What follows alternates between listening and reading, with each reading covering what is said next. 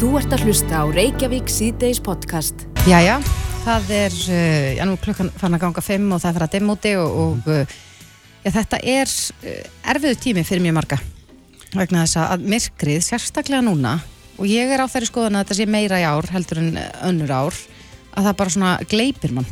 Já, þetta er snjóléttur vetur. Já, snjórin eru þetta góður til þess að byrta aðeins til þegar það er allt hvitt í kringum hana það bara er aðeins bjartara. Einmitt.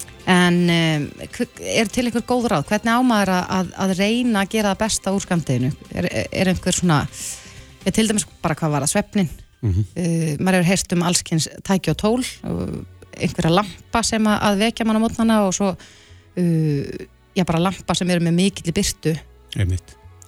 Hún er komin til okkar, Erla Björnsdóttir, hjá betrisvepp.is, sálfræðingur, doktor, velkomin. Takk. Já, þessi spurning, getur við gert eitthvað til þess að, að eh, láta okkur líða betur í svona dimmasta skamdeginu?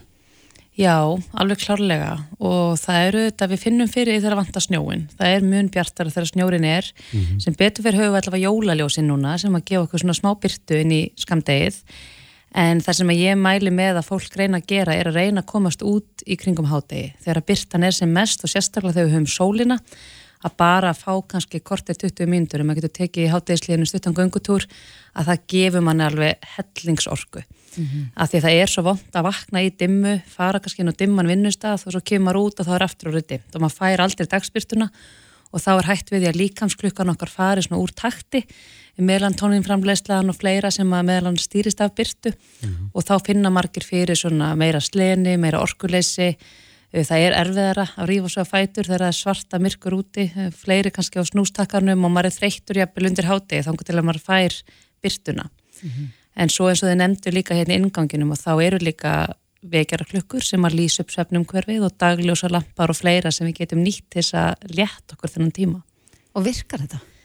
Já, þetta virkar og til dæmis þessar vekjara klukkur sem eru stórsniðugar, það er virka þannig að um hálftímaðan við ætlum að vakna þá er svona stigmagnandi byrta, það er líki eftir sólarupprás og það sem að gerist þegar að fyrir að byrta í kringum okkur er að svefnin okkar fyrir stöðu að verða léttari.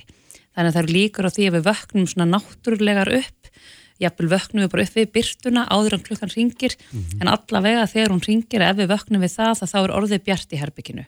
Og fyrir flesta þá er minni freysting að snúsa og setja sængin yfir höfuð heldur en að bara drífa sér fram úr ef það er bjart í herbygginu. Það skiptir máli hvernig byrtan er. Er þetta eitthvað sérstök byrta? Sko þessar klukkur þær náali frekar skerri byrtu en svo erum við aftur á móti með mun upplögari tæki sem eru dagljósa lampar og það eru bara viðukjönd lækningatæki.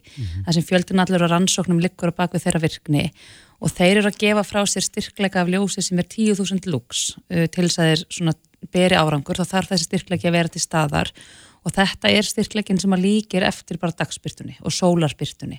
En þarf það að vera ofan í ljósinu eða? Uh, nei, þú þarft að hafa ljósið í sjónsviðinu, þessi lampar eru auðvitað misstórir, þannig að stærri lamparnir ná yfir meira sjónsvið, en þú þarft ekki að stara í ljósið eða neitt slíkt og sumir sem eru viðkvæmur í augum og annað, eiga ekki þurfa að hafa ágjörð því, þú þarft ekki að horfa inn í ljósið.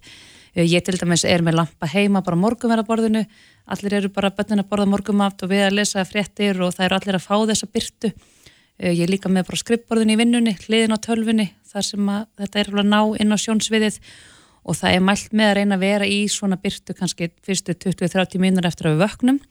Uh, Allt telur, þannig að ef við náum bara korteri þá er það samt betra, getum haft þetta á baði þar sem við erum að taka okkur til eða hvernig sem það er og þetta er eitthvað sem mér finnst að ætti bara vera inn á vinnustöðum og í skólum landsins svona yfir dimmasta tíman af því að ég finn það allavega sjálf og á mínum skjólstæðingum og vinum og kunningjum að þeir sem að nota þessa lampa finna alveg klárlega fyrir mununum á því, bara orku stíinu. Já, það er helst það, það er bara orku stíið sem að, og núna er náttúrulega oft tala bara um hreinlega skamdegis þunglindi, það eru margir sem að, að bara fara í dimman dal yfir þannan árstíma. Gæti þetta hjálpa fólki að, að svona, já, letta um lundina? Já, þetta var fyrst og fremst þróað hérna áður fyrir við skamdeistunglindi, þessi lampar, en eru síðan nefnitt líka gagleir fyrir þá sem eru bara með svona þennan meiri drunga, þetta meira slegin, þó það sé ekki alveg þetta mikla þunglindi og það er eins og ég bara tengi sjálfið, maður er bara þreyttari, aðeins orkulösari og það má líka þessu bara við það, þú veist, þegar þú- þú vaknar bara venjulega og fer bara beint út í sólina, það við, tengja flestir alveg við það hversu fljótur maður er að ná upp orku ef maður fer beint í sólina.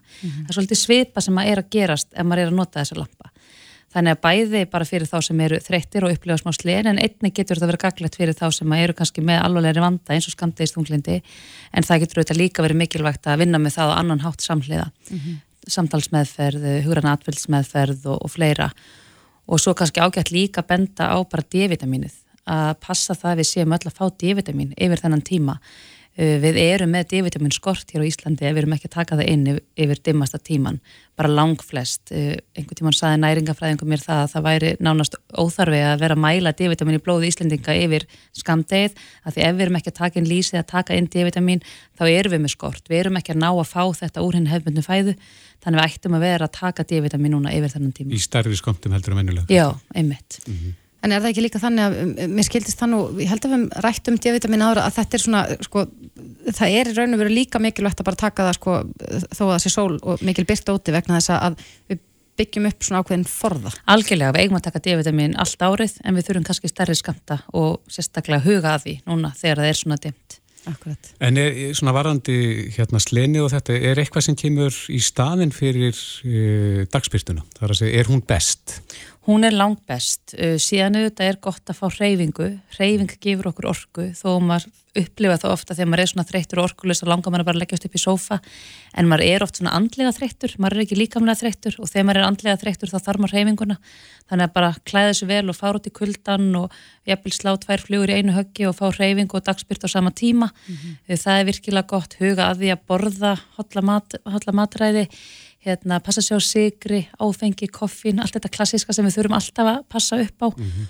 og svo er það líka þannig að þegar það er svona mikið myrkur þá erum við kannski bara aðeins þreyttar og kannski þurfum við bara aðeins meiri svefn og við þurfum líka bara að sína okkur smá sjálfsmildi og forgansræða líka bara kvíld og svefni og fara bara aðeins fyrir að sofa og, og bara finna, hlusta svolítið á líkamann, hlusta það sem hann er að kalla eftir. Já. Ef við ætlum að ná mestri byrtu þar að segja þegar sól er hæstalofti þá er klukkan hálf tvö, er það ekki? Jú, að því við erum auðvitað ekki með, hérna, við erum ekki alveg með réttan tíma hér á Íslandi, Nei. þannig að klukkan okkar fylgir ekki sólar, sólarsklukkunni, þannig að það er smá skekkja allavega hérna á Suðvesturhóttinu, þetta er aðeins minna fyrir austan. Þannig að fyrir fólk sem vinnur 8-4 vinnu þá er þetta bara, já, korterspása uh, síðdeis? Já, bara þegar, já, bara þegar ég líti út um gluggan og sjáu sólina, reyna kannski bara eða þið eru að taka símafund eða eitthvað að bara taka ná röltinu úti og fá smá sólaljós, það mm -hmm. gerir alveg heilmikið, við þurfum byrtuna, byrtan hefur heilmikið áhrif á bara líðan okkar líkamsklukkuna, svefnin og svo ótalmart. Já, en eins og saður hérna ána þá uh, þetta, þetta rugglar aðeins í sko bara kerfinu og, og svefninu þetta er þar inni, það er mjög skrítið að, að já, vakna í myrkri og, og það er eitthvað nefn myrkur nánast allan daginn að manni finnst. Já. og við erum líka að segla inn í, inn í sko, tíma þar sem að, að svefnin rugglast hjá mjög mörgum, það er að koma frí úlingar í, í jólafríi og, og er ekki mikilvægt að, að hald, reyna uh, eins og maður getur að halda rútínunni. Ekki spurning, rútínan er alltaf besta svefbráðið og líka þegar við förum í frí það flestir fara í það að senka sér fara að setna svo og setna fætur og ástæðan fyrir við gerum það er bara líkamsklukkan okkar, hún er aðeins lengri en 24 tímar þannig að okkur er svona eðlislegt að senka okkur þegar við höfum svona frálsræði um það hvernig við sopnum og hvernig við vöknum. En það er leiðilegt að þurfa í janúar að taka þetta hörkunni og snúa sólarhenglum við. Að það er miklu betra að reyna að halda þessu bara í ágættisskefjum, vera með reglu sérstaklega með börnin, muna það að það gerir börnum ekkert gott að fá að vaka lengur. Nei. þau vakni vilt bara á sama tíma verða úrill og pyrruð þannig að bara reyna að halda rútíninni það er svo rosalega mikilvægt. Er það mistök að sofa út um helgar? Sko allt er lækast að leifa sér hálftíma maks klukkutíma uh, auka um helgar en ekki meir en það. Leiðu við förum eitthvað umfram það þá erum við bara farin að skekja líkamsklukkuna og það bara býður upp á sveppanda. Og svo líka er mjög mikilvægt finnst mér að minnast aðeins á það að við erum að tala um börnin hvernig við tölum um sveppnin við börnin við erum svo ofta að gera það að vaka svo spennandi. Nú ætlum við að hafa kósi kvöld, þú mátt vaka lengi, áramótin er svo spennandi því þá má ég vaka, en ef þú verður óþekk þá fyrir þið beint að sofa. Þannig að við notum það sem refsingu. Þannig að minnst líka að við fóreldrar þurfum að passa okkur hvernig við tölum um svefnin, tala um svefnin á jákvæðan og uppbyggilegan hátt og minnast á allt það mikilvæga og spennandi sem er að gerast í líkam á heila þegar við sofum. Þannig að börnin sjáu líka ekki nýði að fara að sofa og vilja að fara að sofa. Mm -hmm bara að hlaða sig. Ég meina, nú er mörg börn komið með einhvers konar snjaltæki við setjum þau oftast í, í hlæðslu við nóttina. Algjörlega, við þurfum að hlaða okkur sjálf líka. Akkurat. Já, þetta er góð ráð. Hvetjum alla til þess að taka D-vitamin og fara út á meðana að sólinn er á lofti í þessa örfa og klukktíma Ekki spurning. Erla Björnstóttir hjá Betrisverk.is Kæra þakki fyrir komuna. Takk fyrir. Þú ert að hlusta á Reykjavík C-Days podcast. Og áfram höldum við Reykjavík C-Days klukkan 28 mínútur gengin í 5. Eh, það gerði smart í gær, það var skrifað undir kjara samning við Vaffer. Já. Það er að segja samtök atnurlýfsins og Vaffer sömdu í gær og ríkistjónin kynnti sinn aðgerðapakka sem hlut af, af þessu öllu saman. Já, fleiri fá barnabætur og húsnæðsbætur hækka. Mm -hmm. Við tölum við Sigur Inga Jónsson hér í gær. En eh, já, stjórnarandstaðan hefur nú aðeins látið í sér heyra í gær, uh, nei, í dag fyrir ekki. Uh, Kristrún Frostadóttir hefur sagt að, að leigursalar munir hreinlega hyrða þessa hækkun húsnæðisbóta. Já, ef að leigurbremsan ekki... fylgir ekki með. Nei, akkurat. Mm -hmm. En þau eru sest hjá okkur í dag, segmundur Davíð Gunnlaugsson uh, frá miðflokknum, formaður miðflokksins, mm -hmm. og Inga Sæland, formaður flokks, fólksins. Komið sæl. Sæl. Heil og sæl. Takk fyrir að bjóða okkur. Simi, þetta eru flottustu flokkanir. Já, já. Herði, það, þið eru þetta í stjórnarnastöðu og, og já, þessi pakki var kynntur í gær. Kanski byrjum á þér, segmundur, hvernig líst þér á þessar uh, tilur? Já, eins og gengur með, með svona kynningar þá er eitt og annað gott og annað sem maður myndi vilja hafa öðruvísi eða geti gaggrínt. En það sem er kannski merkilegast við þetta er að þetta er ekki líðræðisleg niðurstaða.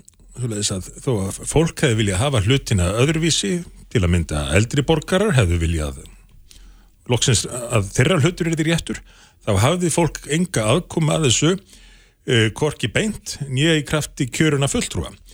Því að ríkistjórnin er þarna í raun að fara gegn því sem fósættisráð þeirra gæti kynna þess aðu sínum tíma að nefndi ekki blanda sér í í uh, þessar, þessar samningsgerð og kemur með útspil eh, sem er afleiðing af samningaviðræðum á markaðunum og kynir sem sitt eigið, sem sína eigin tilugur og maður bara veltir fyrir sér af hverju var ekki grepið til einhverja þessar aðgerða þegar fjárlögin voru kynnt?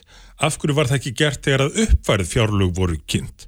Af hverju felduðu ítrekka tilugur meðalans frá okkur miðflokknum og, og yngu og félögum í flokki fólksins sem að svo koma núna að einhverju leiti fram eh, sem afragstur samninga viðræða, viðræðina annara aðila.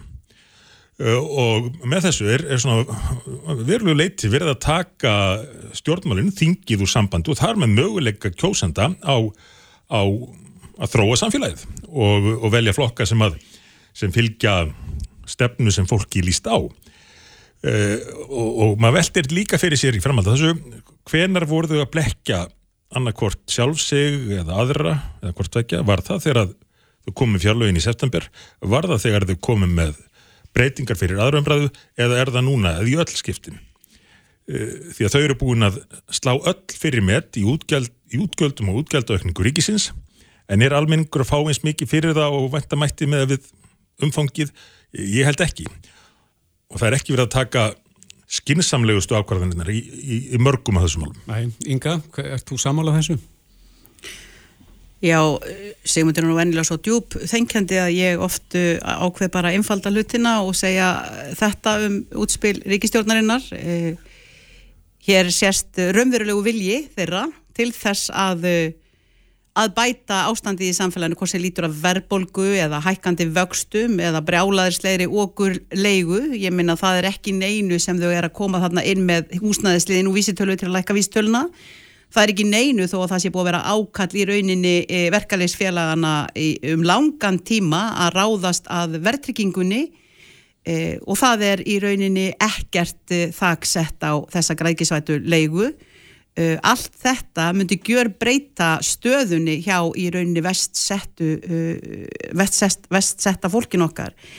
Og flokku fólksins er nú til dæmis með breytingatillögu núna við, við þetta húsnæðisfrumvarp sem að felur það í sér að koma með þak á, á leiguna sem að er í rauninni hú, hæsta, hæsti punktur er í rauninni efri vikmörk sælabankans eh, verðbölgu við með sælabankans 4% Eh, við skulum nú sjá, það hefur nú komið fram hjá uh, hérna, Katrínu Jakobsdóttur að þeirra vilji líki náttúrulega til þess að reyna að koma einhverjum böndum á, á þennan óskapna sem við erum að verða vittni að hér. Við erum að sjá það að það er búið í raun að grækisvæða meira að minna að öllum fastegnum í landinu. Og þetta eru uh, örfá risafélög eins og til dæmis Alma sem var að skila hér 12,4 miljardar króna hagnaði í fyrra það er alveg frábært að skila hagnaði en það er jafn ömulegt ef að sá hagnaði er í raun og stórum hluta vegna þess að það er verið að kristja líftóruna úr, úr uh, fátakasta fólkinu. Að, og svo má líka náttúrulega benda á það að þetta verða er að koma með einhverja leigusamninga fyrir leigutakana sem er til lengri tíma en eins ás í senn. Þannig að e, fólk býr við algjöra óvissu, algjöra óvissu. Og svo er bara sagt, herðu vinnu minn, ef að þú samþykir, e, samþykir ekki að hækka e, leiguna núna um 30% e, þá getur bara farið eitthvað annað vegna þess að ég fæ bara einhvern annan inn sem að, mun samþykja þetta. Þannig að ríkistjórnin e, á að sjá sóma sér nýði að fara að taka raunverulega á, á þeirri óg sem að er að stæðja hér að stórum hluta samfélagsins. Og Eh, en hvað lítur að barnabótum og því, þeim pakka sem er að koma að inn þá segi ég bara gleðileg jól, það er, það er vel. Og, og þessi þáttur þá inn í húsnæðis eh, húsnæðismálin. Eh, það jákvæða maður og það sem er velgert, það ber að þakka en ég sakna þess sem ekki er gert. Já, sko leikumarkaðurinn hefur auðvitað verið mikið til umræða undanförnu samfélkingin kallar eftir leiku bremsu þið leggið til breytingatilugum leiku þakk hver er ykkar skoðun á þessu miðfloknum? Hvað er hægt að gera til þess að vanga hag leigjenda? Já, við höfum ekki, ekki talað um, um þakk en ég samt skil sko afstöðu, og ég veit þú veist að vísa til yngum með það, en ég skil afstöðu til að mynda samfélkingarinnar hvað þetta varðar að ráðast í uh, aukna stöðning án slíks tags mun einfallega þýða meira sögur og meira fjármakt til uh, leigufélagana. Eru leigufélagina að fá aðganga ríkisjóði með þessum? Já, já, þau eru, þau eru að því.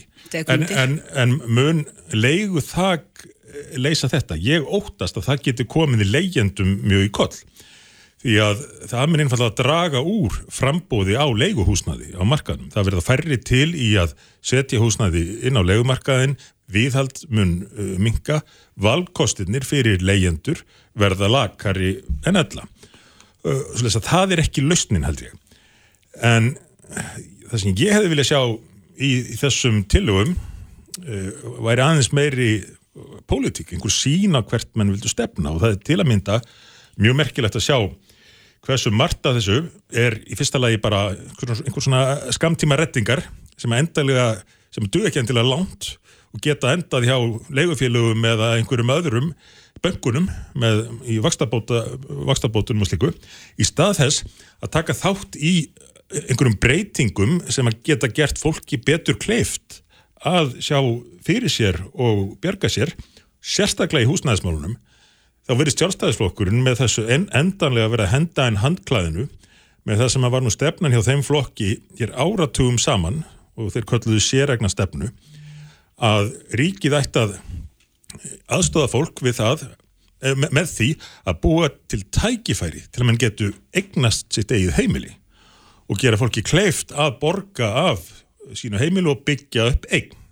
Hér er ekkert sem að ítur undir slíkt í rauninni þvert á móti og sama tíma horfum við upp á það Þá ekki allan... framlengja því úræði fyrir ekki að, að leifa fólki að nýta sér Nýta sér, jú, jú, það er rétt. Þa, þá stöndum til að framlengja það sem að við lögum til á sínum tíma og var sett á uh, tímabundið og svo framlengt og framlengt. En ástæðin fyrir því að það er framlengt er að, að það, það er verið að breyðast við því sem enn er ófremdar ástand á, á fastegnumarkaði og uh, nú horfum við upp á það jafnvel að fólk þurfi að borga herri fjárhæð í leigu tölvert hærri fjáraði leigu í hverju mánuði heldur það þurft að borga í afborganir eins og það er að hafa nú samt hækkað uh, til að byggja upp eign í húsnæði.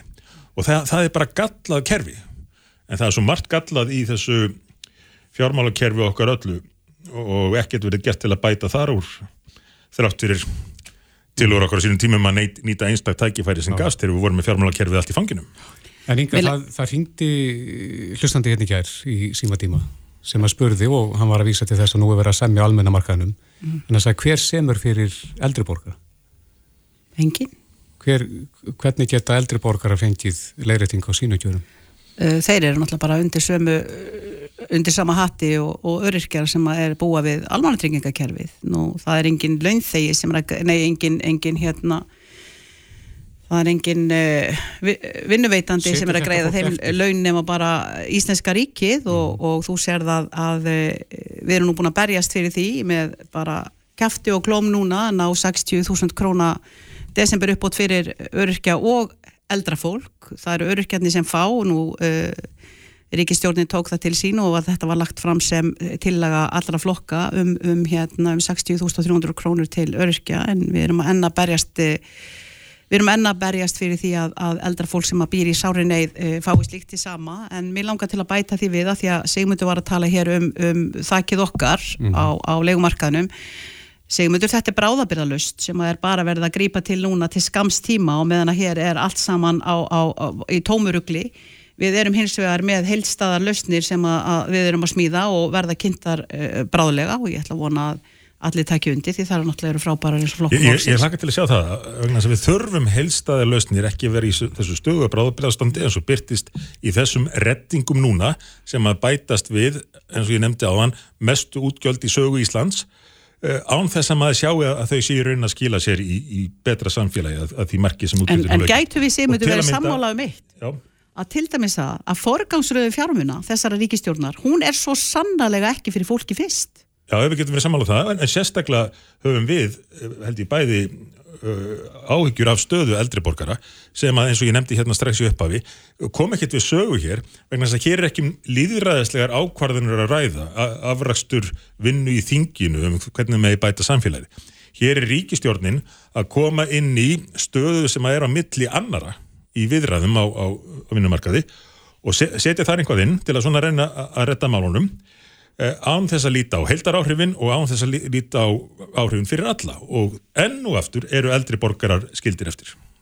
Það er rétt, það er rétt. Og það er alveg sama, við erum núna til dæmis að ræða við erum í þingiru núna með, í umræðu um, um þessar almanna tryggingalösnir sem að ríkistjórnin er að setja fram eins og 200 skrónar frítikjumark eh, sem að hefur í rauninni verið 109 skrónu frá því 2009 og ætti að vera tæp 300.000 Uh, öryrkjar og almannatrygginga þegar hafa verið skildir eftir í mekki síðan 2009 eftir hún, uh, kjara gleinunin þeirra er orðin sást átt í 50% við erum að, og við höfum mælt fyrir frumvarpi um 400 úrskróna lámbars framfæslu skatt og skeðinga löst, uh, við sjáum það hvernig þessi kona sem að var krafin um að greiða 325.000 krónur á mánuði í leigu, leigu hvaða mögulega grunn framfæslu öryrkin þyrst að hafa til að geta staðið undir slíkum ógeðiskrækis leigu kröfum. 400.000 fyrir hanna það rétt gerði það að verkum og hún ætti eftir 75.000 krónu til að njóta þess munaðar að fá kannski að hafa ramagn og hafa vatn og geta hort á sjóarpi og, og hvað þá veist sér þann munaða að vera með síma eins og við hinn. E, þessi einstaklingur myndi ekki geta gert vel við sig í mat, það er nokkuð, nokkuð ljóst og hvað þá ef hún þyrti að, að kaupa liv sem hún vendarlega þarf þegar hún er sjúklingur. Þannig að 400.000 krónar lámas framfæsla, grunn framfæsla er náttúrulega er, er hófleg krafa sem að, sem að er bara í beitni tengingu við það, þá kjaraglinu sem hefur orðið síðan 2009 og, og í rauninni ef við framfæraða vísitölulega séð til dagsins í dag, þá er það rétt um 400 úrs krónir, mm. hvorki meira enn minna. Ég, ég, ég veit að tímin er líklega að reyna frá okkur, já. en bara svona rétt í lókin aðtíð eitt. Þetta er ekki búið að gerast. Þannig eru ymsar hugmyndir sem að ríkistofnin er svona að varpa fram í vonum að ná sáttaði niðurstöðu á, á vinnumarkaði í eitt ár núna en þetta er ekki búið að gerast. Við höfum séð ofta áður að stjórnvöld koma með einhvað útspil halda jafnvel bladamannafund og glærjusýningu en svo bara skilja það sér ekki með þeim hætti sem að búið það hefur verið. Hversu oft er til dæmis búið að ræðum það að það er einfalda skipulagningu vegna uppbyggingar húsnæðis og ríkið ætla að stuðla því? Það gerist ekkert í málnu Reykjavíkuborg er það sama, hún heldur glærjusýningar um 15.000, 18.000, 20.000 30.000 nýjar íbúðir en það gerist ekki neitt í samræmi við það. Þannig að enn sem komið er er þetta bara kynning á glærum. Við verðum að sjá hver raunin verður. Talandu um borgina þau heldur allt í nú kynning á því að þau ætla að taka á móti 1500 hælisleitundum á næsta ári. Fjölga borgarbúum um meirin 1% á einu ári. Engin spurði eða hafði hugmyndum hvernig þetta finna húsnæðið og nú eru einhverjir tugir að mista kosti útgangsmanna í Reykjavík. það er hátt í 400 segmundur hátt í 400 húsnæðislausir já. en, en svo, svo eru útgangsmenn e- einmitt, en við erum sammálum það hver, hver sem, hvernig sem við skilgrunum töluna. Að þarna er fólk sem er ekkert verið að gera fyrir og er bara út í kvöldanum núna. En það eru hérna glærusýningar um taka á móti 1500 hælisleitundum byggja 2000 íbúða.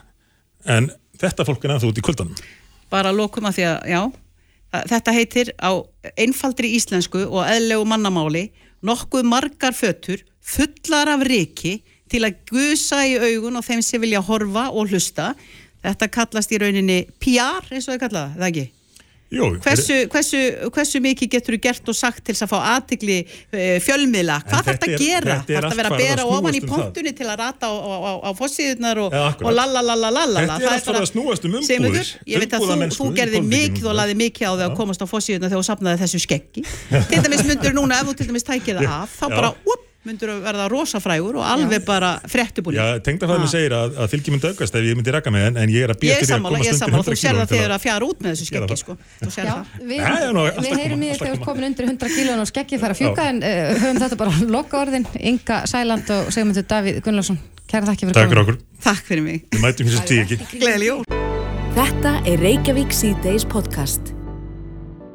podcast. Reykjavík síðdeis heldur áfram. Það hefur mikil umræða verið undarfarið um leigumarkaðinn. En að vísi.is byrtist eh, grein í dag eh, sem hann skrifar hann eh, Þorstein Sæmundsson, fyrirhandi þingmaður, með fyrirsögninni eh, fákeppni á, á leigumarkaði. Það sem hann greinir aðeins stöðuna út frá sínu viti. Og Þorstein er á línu, kom til sæl. Komið sæl.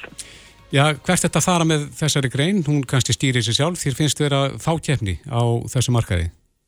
Já, já, það sem að það, það blasir við og það sem ég er endur að benda á er þetta er enn eini aflegging þess að, að ríkið ákvaða að, að að hyrða íbúðir af fólki og, og, og deila þeim út bara eftir, eftir BH til, til hérna vildarvinna.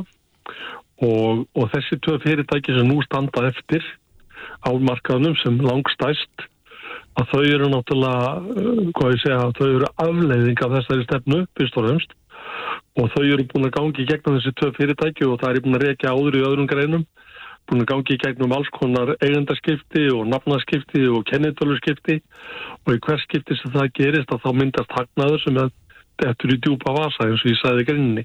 En það sem uppúrstendur er það að þegar tvö fyrirtæki eru komin með kannski um það byrjum 2500 til 3000 egnir sem þau eru að leia út e, þessi tvö og þá eru þau náttúrulega komin í, í gríðarlega uh, mikla einlokunar stöðu sem að bæði getur uh, sagt, veitt um frelsi til þess að að hækka leigu fyrir verðanlust eins og dæminn sína núna og það er verðt að, að hrósa þessar ágjötu konur sem að steg fram og skýrði frá þessu að, að hún var fyrir þessu að, að verða hérna eiga að borga annarkort uh, fleiri tíu þúsunda í viðbóti eða fara út á götu eða að það þarf hugur ekki til að koma fram og segja svona en því miður þá heyrist mér bara á því fólki sem ég hef heyrt í núna síðan að hún stegi fram að núna verði þetta reglan hjá þessum fyrirtækjum að, það, að þegar að samningan er enn út að þá muni verða verulega hækkun ellegar farið menn bara út á götu.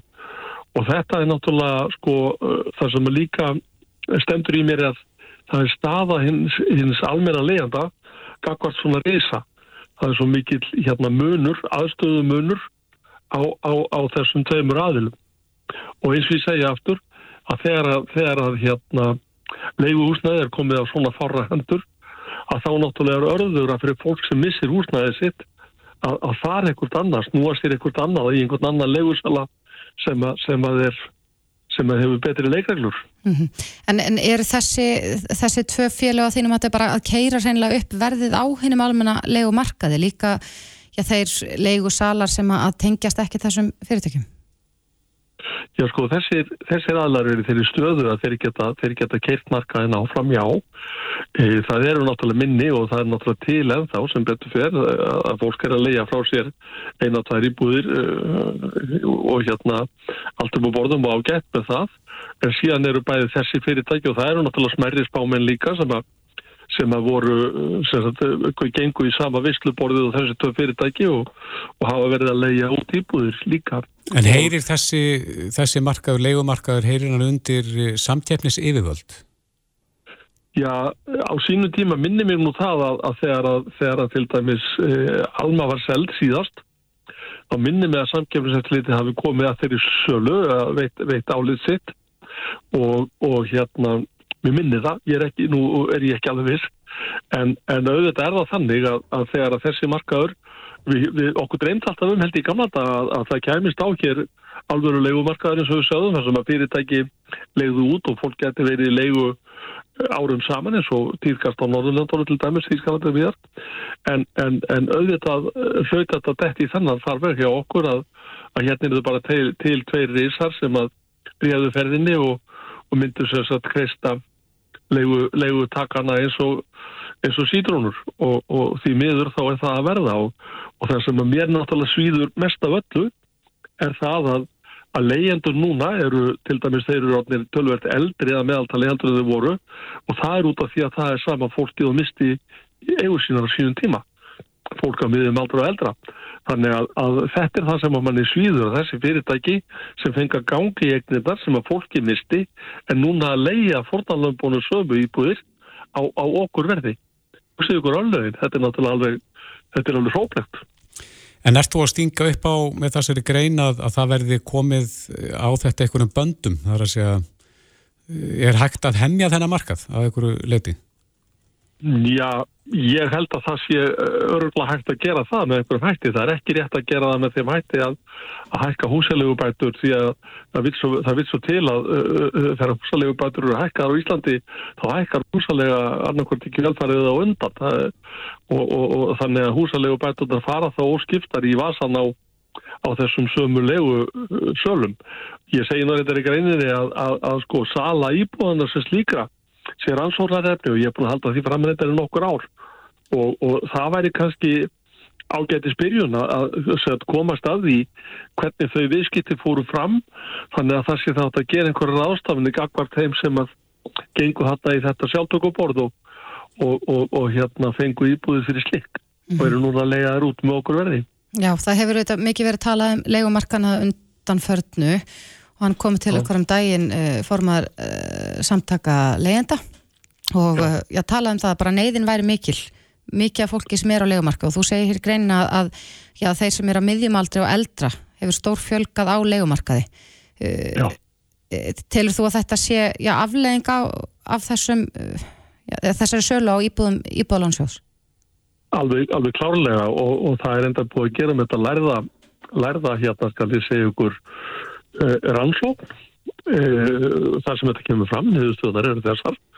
Og það þarf ekki að koma neinum óvart því að það er líka bara, eins og ég sagt okkur áður að þá er ég búin að hitta fullt af þessu fólki sem að misti í búðina sínar. Uh, og þetta var fólk sem sagt ekki ekki ung fólk að missa í fyrstu íbúð endilega, heldur var þetta fólk 35 og upp úr eða 40 upp úr. Og, og þetta fólk sérstaklega svona þegar það er komið kannski hefur mistið íbúðinu sín á 60 aldri að það náttúrulega endist þeim ekki starfsæfin til að koma undir svo fótunum á nýju og, komast í eigið, eigið húsnaði og það er enda líka eins og kom fyrir það fram í viðtali hér rétt áður uh, fyrir fréttir að það er náttúrulega, það er náttúrulega ansi hart uh, þegar að það er stannig að, að húsa leiða sem slík hún er miklu miklu herri heldur en, heldur en sko lánabyrði, það er að segja greiðslubyrði af láni sem þú tekur til þess að eignast þitt eigið húsnæði mm -hmm. af því þá ert orðin fastur í, í, í, í leigunetinu og kemst ekkert út úr því og það væri kannski einn ástæða sem, að, sem að hefur reynda komið fram áður að, að, að til þess að ef að ríkishaldi ætlar að koma að eða sveitafjölu eða einhverju slíkir að þá væri það kannski e, sem sagt e, að fólk stæði við e, sína stjórnmálarskoðinu sumir og, og kæmu hér á virkum hérna egnamarkaði þar að segja sérignamarkaði þar að segja að fólk geti komist í hóflega hóflegar íbúðir án þess að þurfa að vera í sko vinnu hjá böngum í 40 ára eftir sjá við. Já, en þú segir líka í greininni að, að þú hafið heyrt af því að Hemstadin, sem er nú annar af þessum stóra aðeilum sem þú nefnir í greininni, að hann hafi bóðið íslenskum lífeyrissjóðum kaup á félaginu. Já, það kom fram núna í frettum í, í, í hérna á einhverju miðlum núna fyrir svona viku hálfu mánuði að þeir eru bóðið íslensku lífeyrissjóðum sagt, eh, hérna að kaupa hlut í félaginu. Lýst þér ekkert á það? það?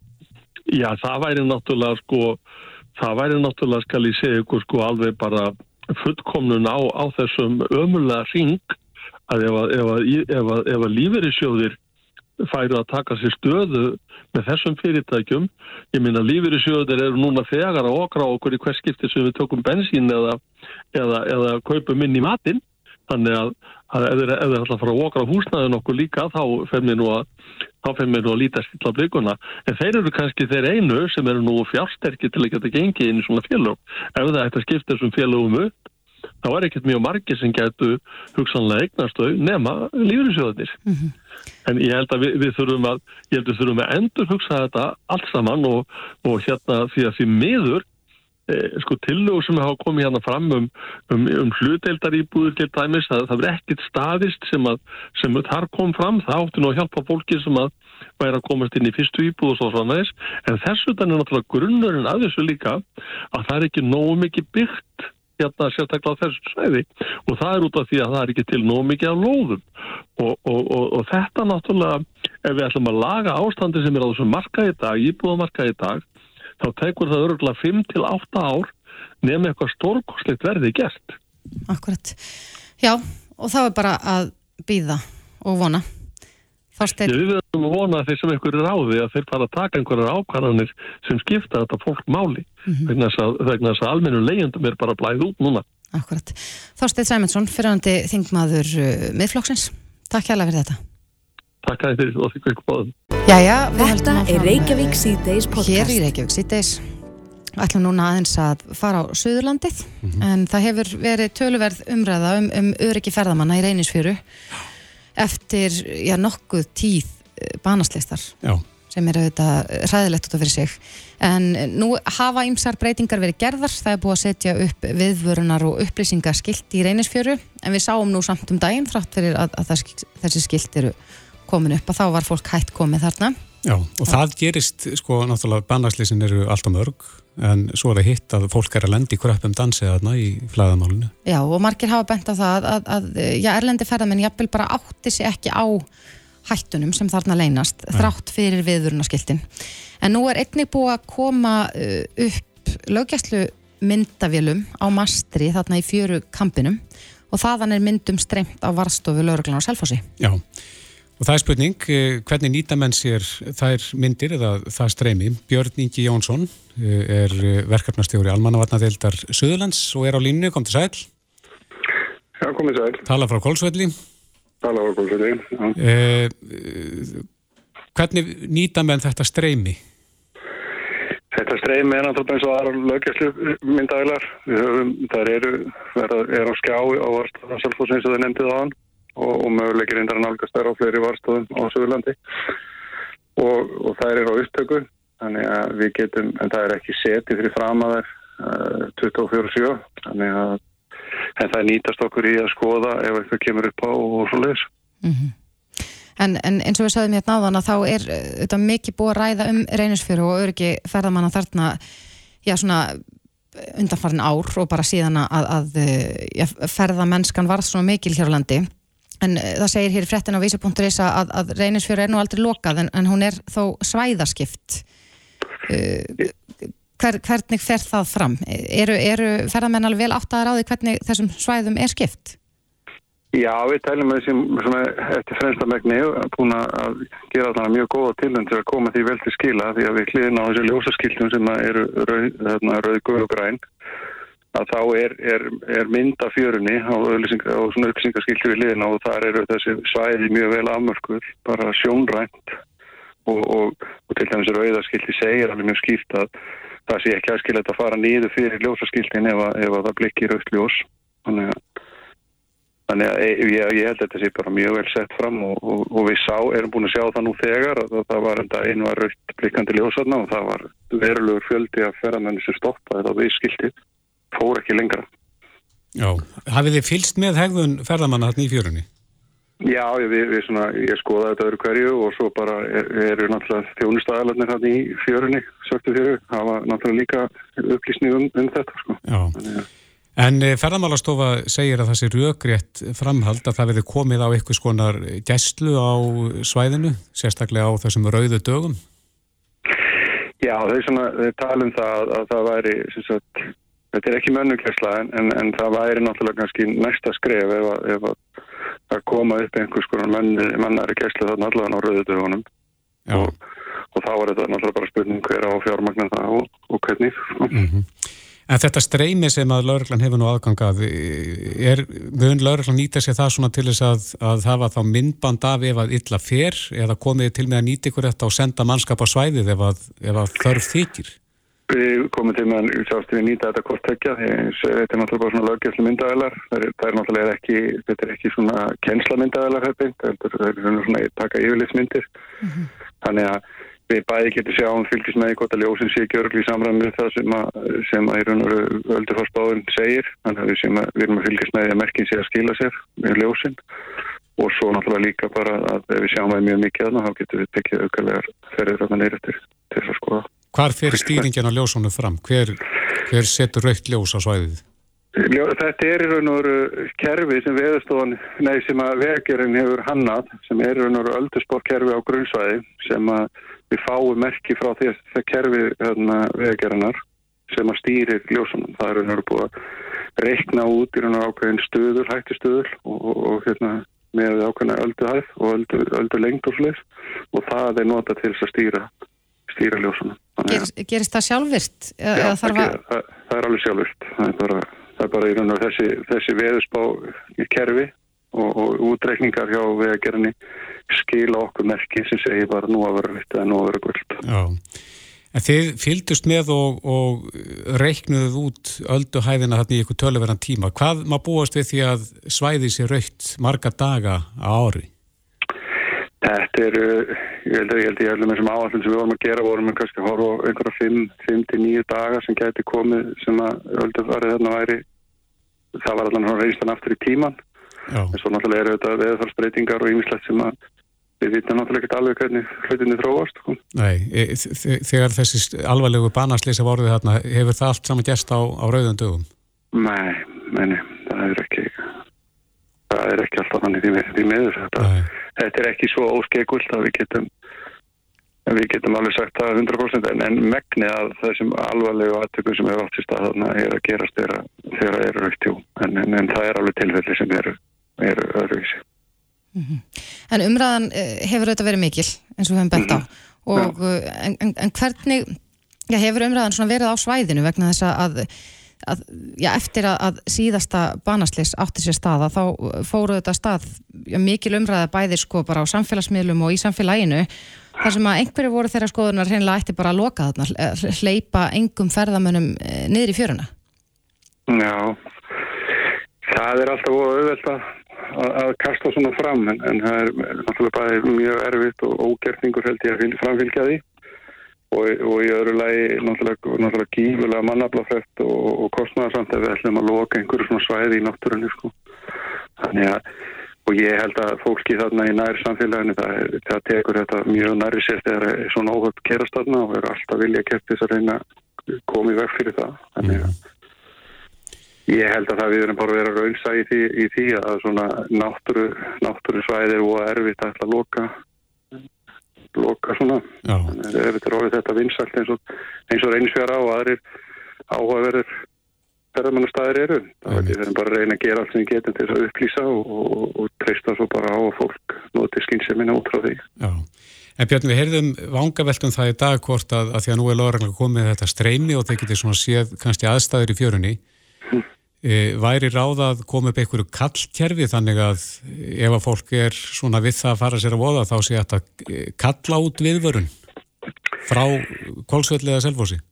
Þetta er tæknilega er þetta hægt sko en, en, en eins og ef við vorum aðstæðar þarna að, að e, þegar þessi aðstæðar eru þá er oftast sunnan eða suðaustan eða suðaustan átt þannig að það er, það er vindur af hafi og, og, og Þannig að svona hljóð myndi aldrei berast einu með mjög fáum eða ef það bærist nokkrum hérna nýri fjöru sko. Þetta eru mm. það mikla veðalendi bæði nýri fjöru, háaði frá öldunni og, og vindinum og því öllu saman. Þannig að svona kallmerki, það er að vera, vera kalla á móti vindi, annars er þetta að vera út á sjó.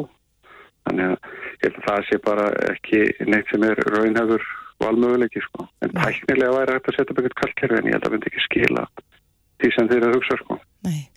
En Björn, nú ert þú þarna hjá almannavörnum á Suðurlandi. Erst þú bjart síðan á það og, og, og telur þú þetta duga til? Eh, er þetta gott skref í rétt átt til þess að reyna að tryggja öryggi betur?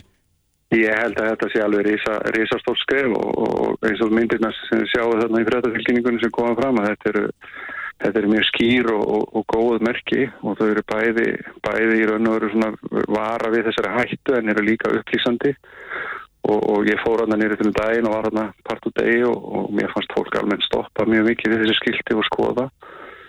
Og, og það taka er líka göngulegin, já, megnir tekur markaðan við erum náttúrulega komist aldrei í veg fyrir alla sem er náttúrulega bara, eru með þetta á bökkið listanum og ætla bara að fara nýri fjöru.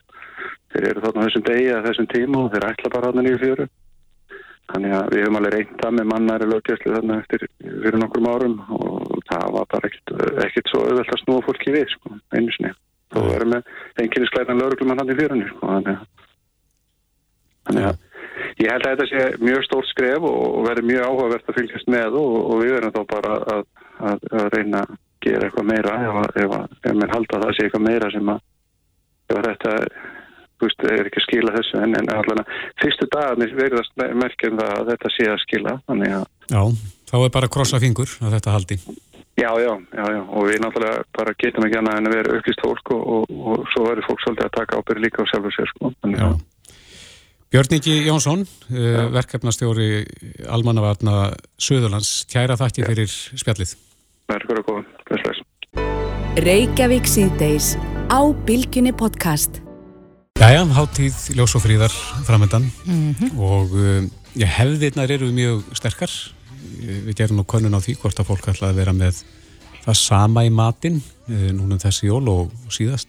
Já, En það var nú samt, uh, mér minnir að það hafi verið um 20% sem að alltaf hafa eitthvað annað, alltaf prófa eitthvað nýtt. já. Og sko ég var nú eitthvað að grúska í þessu um daginn vegna þess að ég veit ekki ekkur ég er svona óeðla mikið áhuga á jóla hefðum Íslandinga en uh, já, það er alltaf að stækka svo hópur sem velur grænmetisfæði Já, á jólunu. einmitt. Eða, eða vegan. Já, akkurat, græmetis eða vegan og, og, og ég er nú reyndar þannig að vegna þess að, að, að á mínu heimili erum oftast saman stórfjölskyldan og já, þá er oftast þrýréttað. Já, það er gert ráð fyrir veganfólkinu þá. Já, já, það er, það er ein, ein grænmetisæta í hópnum og, og ég er eiginlega bara komin á það skoðun að mér finnst sko, já, netusteg, bara alls ekkert síðri en, en hinn hefðbundna jólasteg Nei, juicy. og hún er geggjuð. Góð netusteg er nefnilega, sko, fyrir þá sem hafa ekki smakkað. Þetta er bara herramars matur. Já. Saman á því. Og eflaust alltaf fleiri og fleiri sem að prófa. Já, Ég stökkva á það. En e, það byrtist greinin af vísi.is með fyrirsögninni þarf alltaf að vera svín sem að harpa Chris Bergs dóttir skrifar en hún er einmitt eh, félagi í samtökunum um dýravelferð á Íslandi og harpa er á línunni, kom til sæl Ég sæl. Já, þú byrjar þessa grein á því að lýsa ferðalagi um landið þar sem þú varst að skoða dýrin sem að voru úti að, að, að leik og á beitt Já, þetta er bara eins og, eins og flestir þekkja þegar maður er á ferðumandi og maður er hérna lögum samkvæmt og þar maður alltaf að segja upp átt dýrin sem maður, maður segir hestar eða beljur og hérna uh, og svo eitt sinn þá uh, á, á svona ferðalagi þá var ég búin að gera þetta mjög oft og þannig til ég allt einu sá ég svín nema að það var svo óvennileg sjón að það tók mig mjög langa stund að bara greina dýrategundina. Heilin bara meðtók ekki upplýsingarna og uh, sko vegna þess að maður sér aldrei svín úti. Nei, ég tek Þannig að- undir mér, ég held ég hef aldrei séð svín uh, út undir beru lofti, ég það meðst ekki svona í auksín.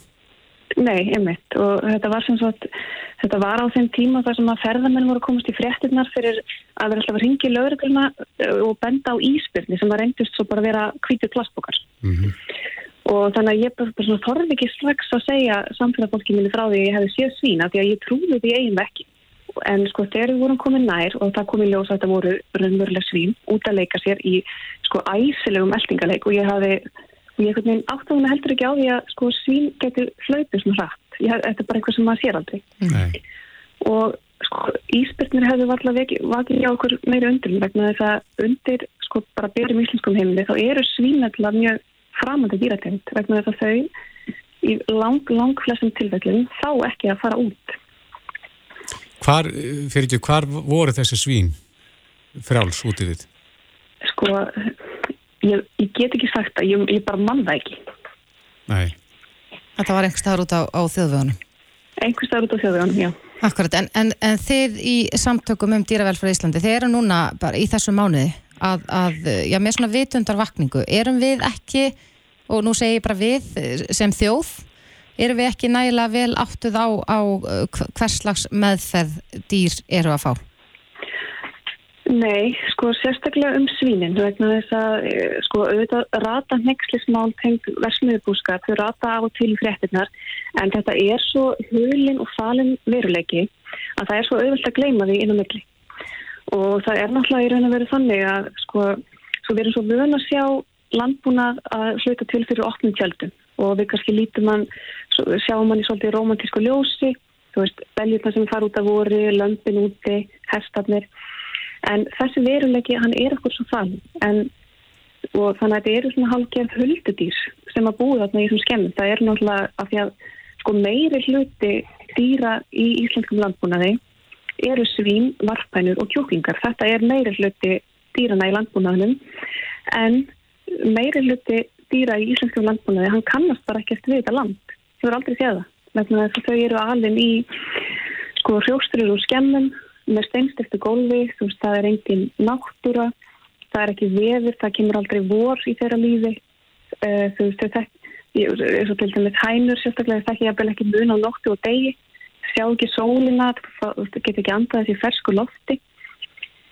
Þannig að veist, þau lifa í sko fyrringu sem er svo erfitt að gera sér í hugarmynd mm. og uh, þessar, nöturlegu aðstæður þar hérna þetta er svo, já, þetta er bara eitthvað einn mm -hmm. þingraðin tárumtæki En e, fólk og þjóðin er farin að velta fyrir sér í auknum mæli dýravelferð. Er, er í einhverjum löndum e, það bannað að halda dýrum inn í 24 tíma sólaring, allt áriðum kring?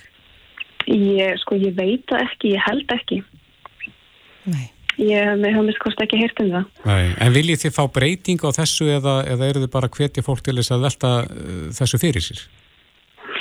Við, við náttúrulega, sko þessi vitum það vakning meðar að því að hérna, auka velferð, velferð svína.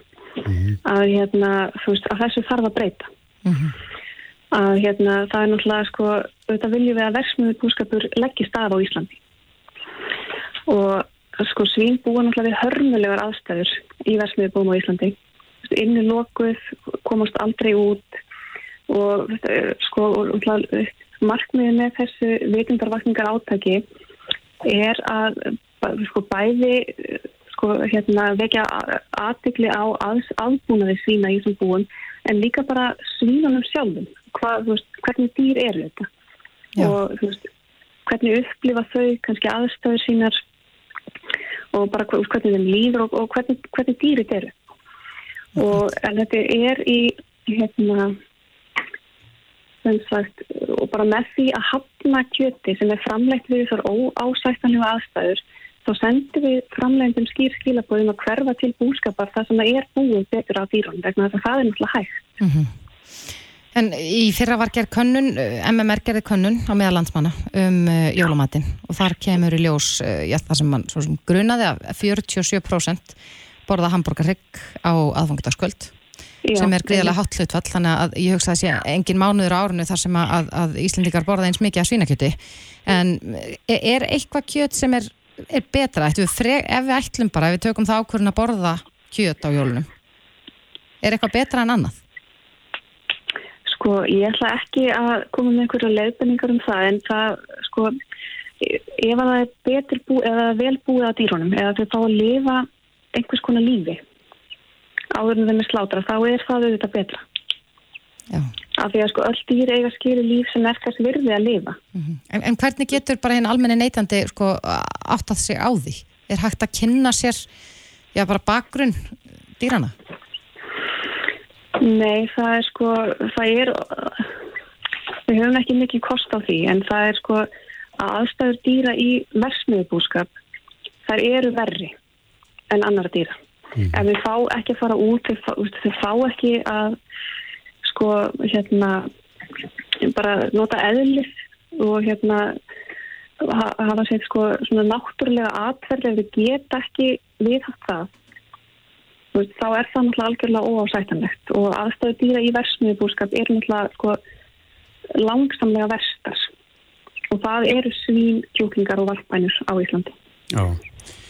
En ef við vikjum aðeins aftur að þessum svínum sem að þú sást að, að leik, vantarlega að, að sömri til, e, þess, þessi myndir er glögg í þínum huga. Þú Já, sérð fyrir að svínin hérna í, í æstum og gleðilegum leik. Já, þetta hafði mjög mikil áhrif á mig og þetta svona, það lögst upp fyrir mér þarna einhver, sko, einhver nýr veruleikja því að ég, ég hafði aldrei séð svín í þessu ljósi. Og, já, og við sjáum það svo, svo sjaldan. Já, það, þetta eru bara góð skilabóð og, og þetta hvetju við uh, alla til þess að kynna sér þetta betur og aðstæður dýrana og sérstaklega í þessu mánuði þar sem að, að þið eru eða samtökin eru með þessa vitundar vakningu. Já, það er mjög gott. Harpa Kristbergsdóttir félagi í samtökum um dýravelferð á Íslandi. Kærar þakki fyrir þetta. Já, takk fyrir mig. Hlustaðu hvena sem er á Reykjavík C-Days podcast. Við erum í dag búin að tala svolítið um uh, hvað er dimmt úti þegar mm Mhm. snjóin vantar. Já, en þá er mjög gott hvað margir eru uh, dugleir við að skreita húsin sín. Já, Ég, ég, ég verða að viðkjanna, ég er ekki ein af þeim. Að þetta bara vex mér svakalega augum, mhm. sko, hvernig maður festir jólaserjus. Það er bara, mér finnst þetta bara rosalega stórt mál og fórum daginn mhm. þrjár ferðir í garðheima til að vesla. til að Seríur. finna einhverja góða lust til þess að festa serjur og versla þær. Ertu, ertu þá að tala um inni Já, ég er að tala um inni serjur svona í gluggunum skilu, það er svo fallegt utan og svo ætlaði ég líka að setja einhvers konar svona greni á svala handrið mitt en það var engin innstunga þannig að ég bara En er ekki bara, að því að þú ert að festa í glugga eða ekki, Já. þá eru bara sokskálar eða ekki? Það er það? Já, já, en sumir eru mjög góður í þessu og ég sko gleymi því ekki að það var svona jólahefð þegar ég var krakki að við fjölskyldan kerðum niður bústafvegin Mhm. og kíktum á hús á bústafvegin sem var nú bara frækt fyrir að vera bara best skreitt á hús Íslands á Já, þeim tíma. Bara alveg rosalegt sko Það meða var við tíðrandan Já, en nú eins og þeir nú rættuðu í gær til Lilja að Mhm. erum við að leita að best skreitt á húsinu á Íslandi?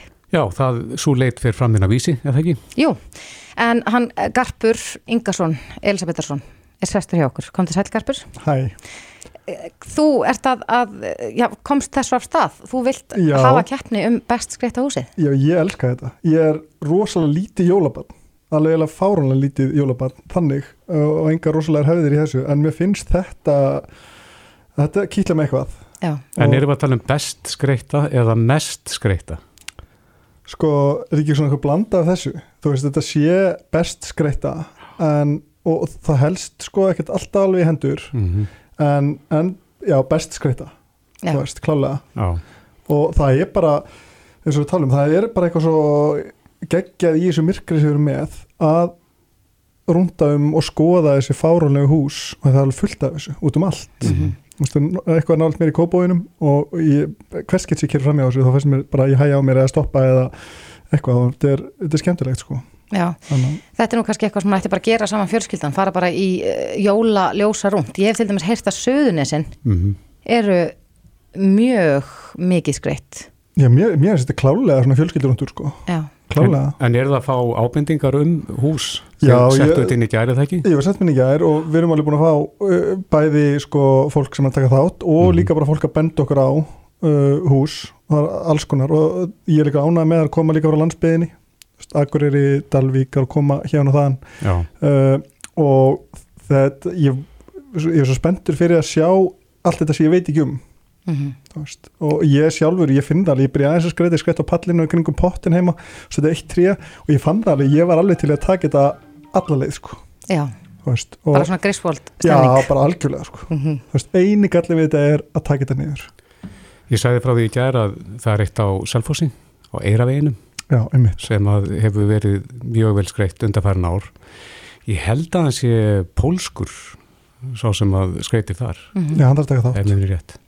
Við erum bara að banka upp á Já, Já, segjum að taka að þátt um taka þátt sko. En, en sko, uh, já, það, þetta er eins og þið töluðum með náðan, að það er rosalega fín lína, þetta er ekki bara spurningum að, að, að eins og jólinn hafi bara yfir kastað já. upp yfir húsið, heldur þetta er, það er kunst að krei- skreita sko mikið Mhm. en samt Já. fallega. Já, það er, það er rosa mikil munur á að þú hendur ekki bara einhver út á pall heldur á sért svolítið að pæla í þessu og uh, kannski aðstanda sér stílreinda það er mín skoðun sko en, en að sé svona einhver, einhver svona meiri pælinga en bara hrút jóladóti mm -hmm. veist, að þetta sé einhver stíl yfir þessu sko.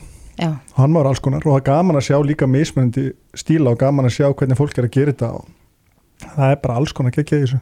Já. En litir. Sko, það er náttúrulega rosalega skipta skoðan á litum.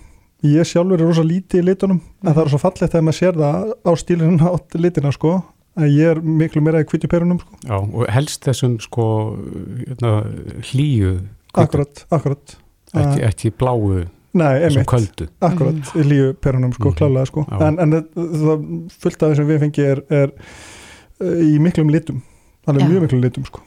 Ok, spennandi. Já. En þetta er þannig að, að uh, já, þeir sem eru búin að skreita húsu sitt uh, fallega og vel, Já, senda inn mynd af húsinu. senda uh, post, uh, fá- eða senda e-mail á hérna, jólakeppni at vísir.is Mm og svo um helgina munum við setja inn á vísi bara kostningu með þú veist tíu bestu eða fimm bestu, ég veit ekki alveg, alveg ég man ekki hvað hvort það var Mhm. og það er bara kosið á Já, Vísi. þannig að lesendur vísir Lesendur munu kjósa. Já, munu kjósa sko og, Lýðræðslegt. og svo er nefnilega svo inna, sko er húsasmiðan að gefa 100 ás krónur Já, í ge geðabref jólaskraut Já, það getur tekið dæmis. jólaskreit Það Ég er hugsa- alltaf mjög gott að fara í janúar að kaupa jólaskreit, sko. Já, ég hugsaði sko, ætli ég geti bara lagt út 100 áskall og fara að skreita úslega mikið Mhm. og þrista á að fá hann tilbaka 100 áskallin Já, frá húsasmiðinni Þú veist, en svo þorðið ég ekki alveg að því að svo er örugglega einhver bref að þetta kostar miklu meir það er svo dýrt að skreita þessu þetta hús er ekki sko. ódýrt þetta er rosalega, þetta er fullt af penningu sem við í Já, þetta þannig þetta er geggju velun þannig að ég held að fyrir það sem er að skreita þetta er held ég allt frekar hrest fólk sem er að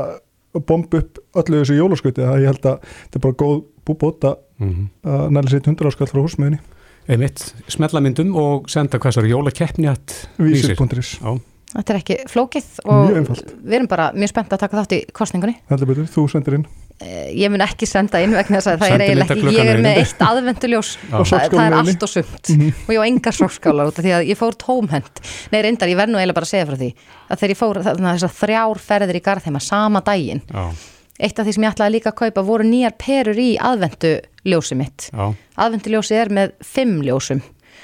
Og var ekki með sjö. Eh, Nei, þetta er, þetta, ég er með svona aðeins öðruvísi, Já. það er fimm ljós. Mhm. Svo þarna er ég komin heim, þá fatti ég kefti bara þrjár perur. En ég fór aftur. þú verður bara að fá okkur nýta fyrir þig sko. Nei, ég meina, hver kaupir þrjár perur? Mér vantaði fimm.